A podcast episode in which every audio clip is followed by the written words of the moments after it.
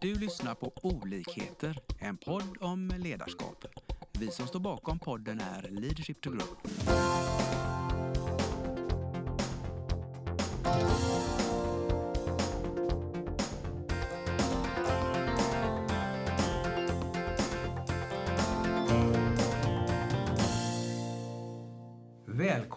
Till dagens poddavsnitt. Idag är det från Leadership to Grow. Eh, Vi har mig själv, Lars Engström, och så har jag min kollega som får presentera sig själv. Jesper Silvanius. Välkomna ska ni vara. Och idag har vi ett eh, speciellt ämne som vi har kallat eh, funderingar och tankar inför sommar och semester. Kan vi kalla det så Jesper? Ja, det tycker jag verkligen, för det är verkligen aktuellt ämne och eh, ibland glömmer man ju bort att kanske titta på hur man ska planera sin semester och ja, kanske planera den för mycket till och med i vissa fall. Att Ja. det, man måste tänka på att det kanske ska vara lite återhämtning också. Precis. Och eh, vi hade ett annat tema mer kanske också som vände, vände sig till det här med ledarskapet innan, att, att våga ta ledigt helt enkelt. Ja, precis. Alltså det kanske jag själv också ska vi säga har ibland haft svårt att som eh, vd och ledare våga ta ledigt. Men, Du menar det? Ja, ja men det är verkligen. Och, och man fick utmana sig själv liksom att verkligen, nej men nu måste jag stänga av. Och, och det var nervöst och det Mm, darrade det lite var på det, överläppen innan och sådär. Men det var en härlig känsla sen när man kunde komma tillbaka och se liksom att det man hade byggt upp och gruppen man hade byggt upp fungerade ju faktiskt utan att man var där. Det var så? Så, ja. Det låter ju underbart. Men vad var det du gjorde då när det... Då lyckades du på något sätt eh, delegera så det funkar ändå? Ja, och, och liksom ändå vara tydlig med vilka mål som var under semestertiderna.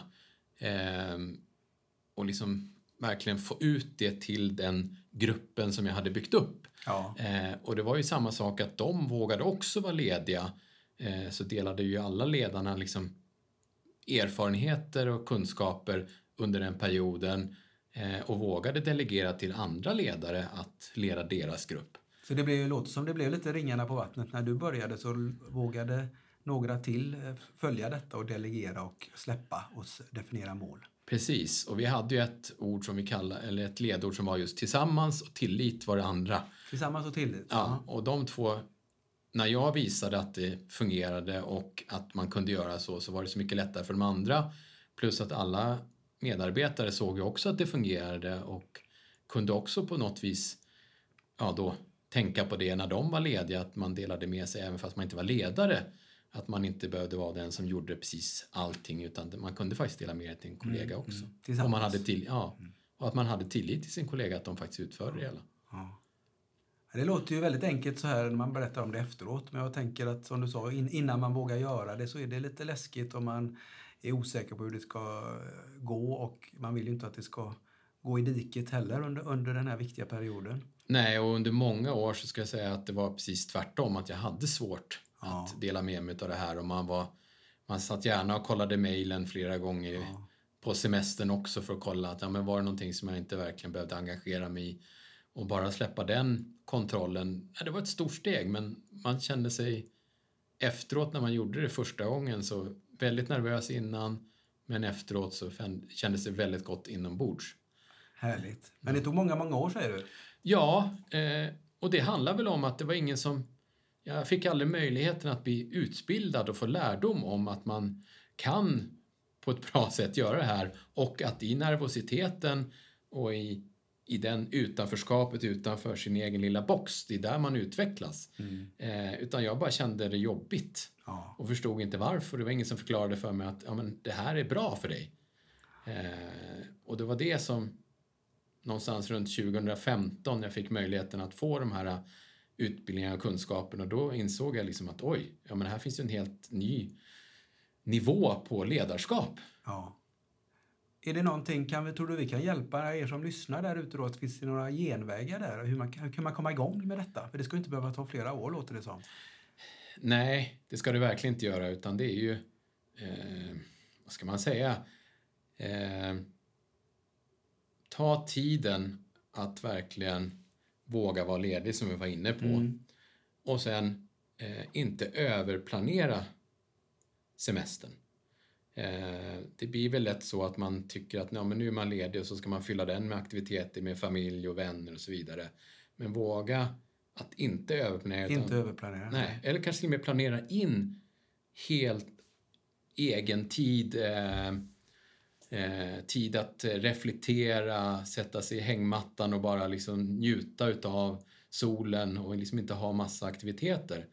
Eh, samtidigt så vill man ju inte att man ska stänga av helt och hållet heller. Nej. För att det är ju precis som om man håller på med träning och så skulle man ta en paus på fyra veckor och inte träna någonting alls och så kommer man tillbaka sen, då är ju konditionen borta eller styrkan borta heller. Så att lite lågintensivt ändå ha vissa saker med.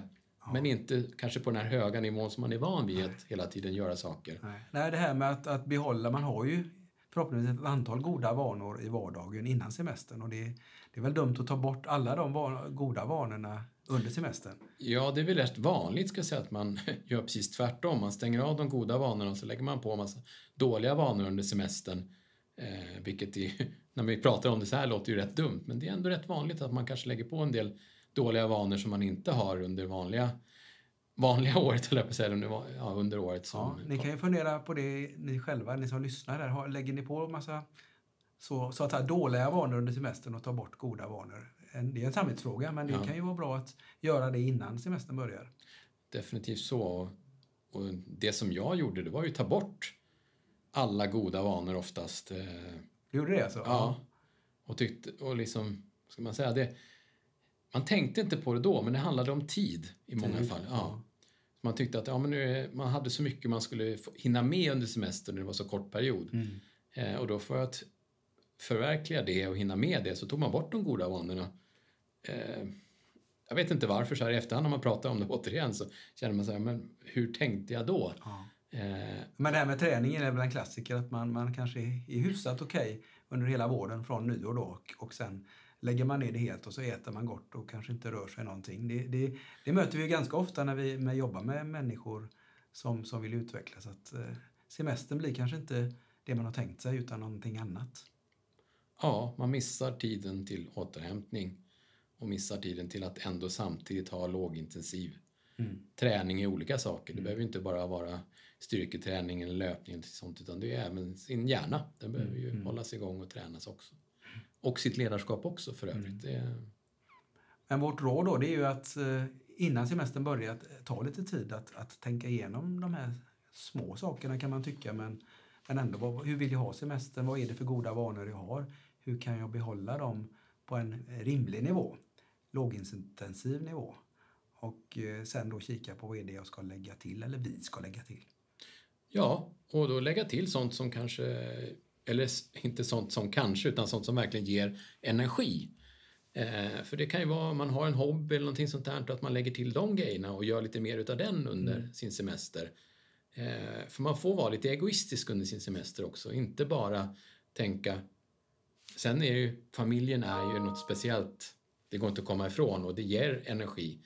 Eh, men man ska även hitta aktiviteter som man kan göra vid sidan om som ger en energi och sen komma in till familjen med massa energi. För kommer du in och utdränerar till familjen också så blir inte det något positivt heller. Så det gäller verkligen att Ja. tänka till på det där och utvärdera vad som En- är ja. viktigt för en. En reflektion där, det låter ju lite utmanande eh, att säga det att nu ska jag vara lite egoistisk, men hur kan man hantera det i, så att säga, i sin familj och med nära och kära? Kan man kommunicera det på ett bra sätt? Ja, det tycker jag. Och, och det är ju just att prata att, komma in, att man kommer att komma in med energi istället för att då komma in med en trötthet och vara lite halvt frånvarande. Eh, så så Bra. tror jag. Och, och sen framförallt att man ger det till alla i familjen. Ja, och det gäller ju alla, så det jag menar barn, Ja. barnen har ju i allmänhet också, när det, när det inte är skola, väldigt mycket på förväntningar och önskar vad man vill göra. Ja. Och, och då hitta saker som ger dem energi. Ja, Eh, och, sam, och alla i familjen liksom får energi och kan komma in. Men man behöver inte göra alla sakerna tillsammans heller utan man kan göra olika saker helt på olika ja. håll. Ja. Ja. Men det är viktigt att prata om och kanske prata om det i början av sommaren när man har det blir ofta mycket förväntningar, det är mycket man vill och det är kanske mycket man har i huvudet som man inte har kommunicerat varken först för sig själv då och sen för, för varandra. Ja, kanske till och med ha ett litet familjeråd då. då. Ja, precis. Ja. Jätte, jättebra idé. ja. Det kan vi jag skicka med ni som lyssnar. Ha ett litet familjeråd, ni som har familj och ni som inte har så stor familj. Ni kan ju ha ett mindre familjeråd. ja. Eh, och gå igenom vad är förväntningarna? Är de realistiska? Är det saker som ger mig motivation och energi? Påfyllnad? Och har jag några goda vanor som jag gärna vill eh, fortsätta med på en rimlig lågintensiv nivå så att säga. Jag ska också lämna med man kan göra ett eget bingo. Ah, bingo! Ja. Berätta mer. Jo, men alltså att du lägger in de här grejerna som du vill ha eh, och så gör alla varsin sån bingo. Ja, kul. Eh, och där man också kanske tar med, då, ja men säg att det, ja, men jag ska läsa en bok. Ja men då får man kryssa det. Eller jag ska träna minst fem minuter varje dag i eh, en veckas tid. Ja men då får man kryssa den. Och så kan man lägga med sådana och så har man och så har alla gjort en sån och sen gäller det att se vem som först får bingo då, fem i rad åt något håll. Mm. Och så kan man lägga in massa olika aktiviteter. Och det är inte säkert att man hinner med allihopa. Nej, men man har ändå fått bingo ändå utan att man har gjort allihopa. Så det låter också... som en jättebra idé. Så det gäller att balansera det som du säger att det är på riktigt saker som, som jag mår bra av, som jag motiveras av, men ändå tagga ner lite att alla måste inte en tävling göra alla, utan det räcker att de jag gör, alla de som är med på listan är ju sånt som du tycker om förmodligen. Och det här är någonting som många barn tycker om att göra också. Så att det är verkligen...